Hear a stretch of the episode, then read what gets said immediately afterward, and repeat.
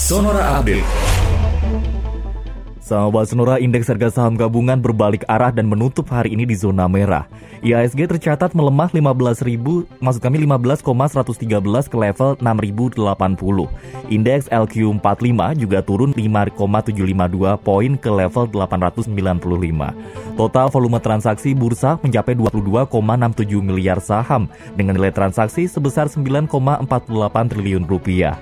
Sebanyak 309 saham turun harga ada 187 saham yang menguat dan 155 saham yang flat.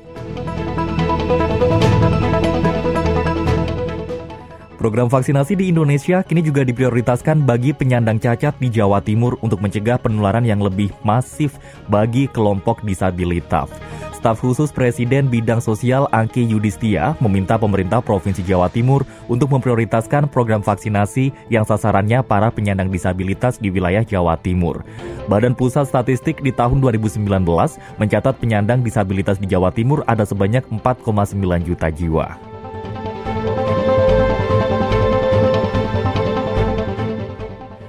Kembali ke seputar dunia ekonomi, sahabat Senora, nilai tukar rupiah berada di posisi 14.202 rupiah per dolar Amerika Serikat pada perdagangan pasar spot sore ini.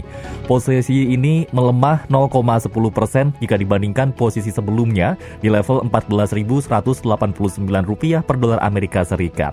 Sementara itu, kurs referensi Bank Indonesia Jakarta Interbank Spot Dollar Rate atau JISDOR menempatkan rupiah di posisi 14.222 per dolar Amerika Serikat atau melemah jika dibandingkan posisi hari sebelumnya, yaitu Rp14.206. Mayoritas mata uang di kawasan Asia terpantau melemah terhadap dolar Amerika Serikat.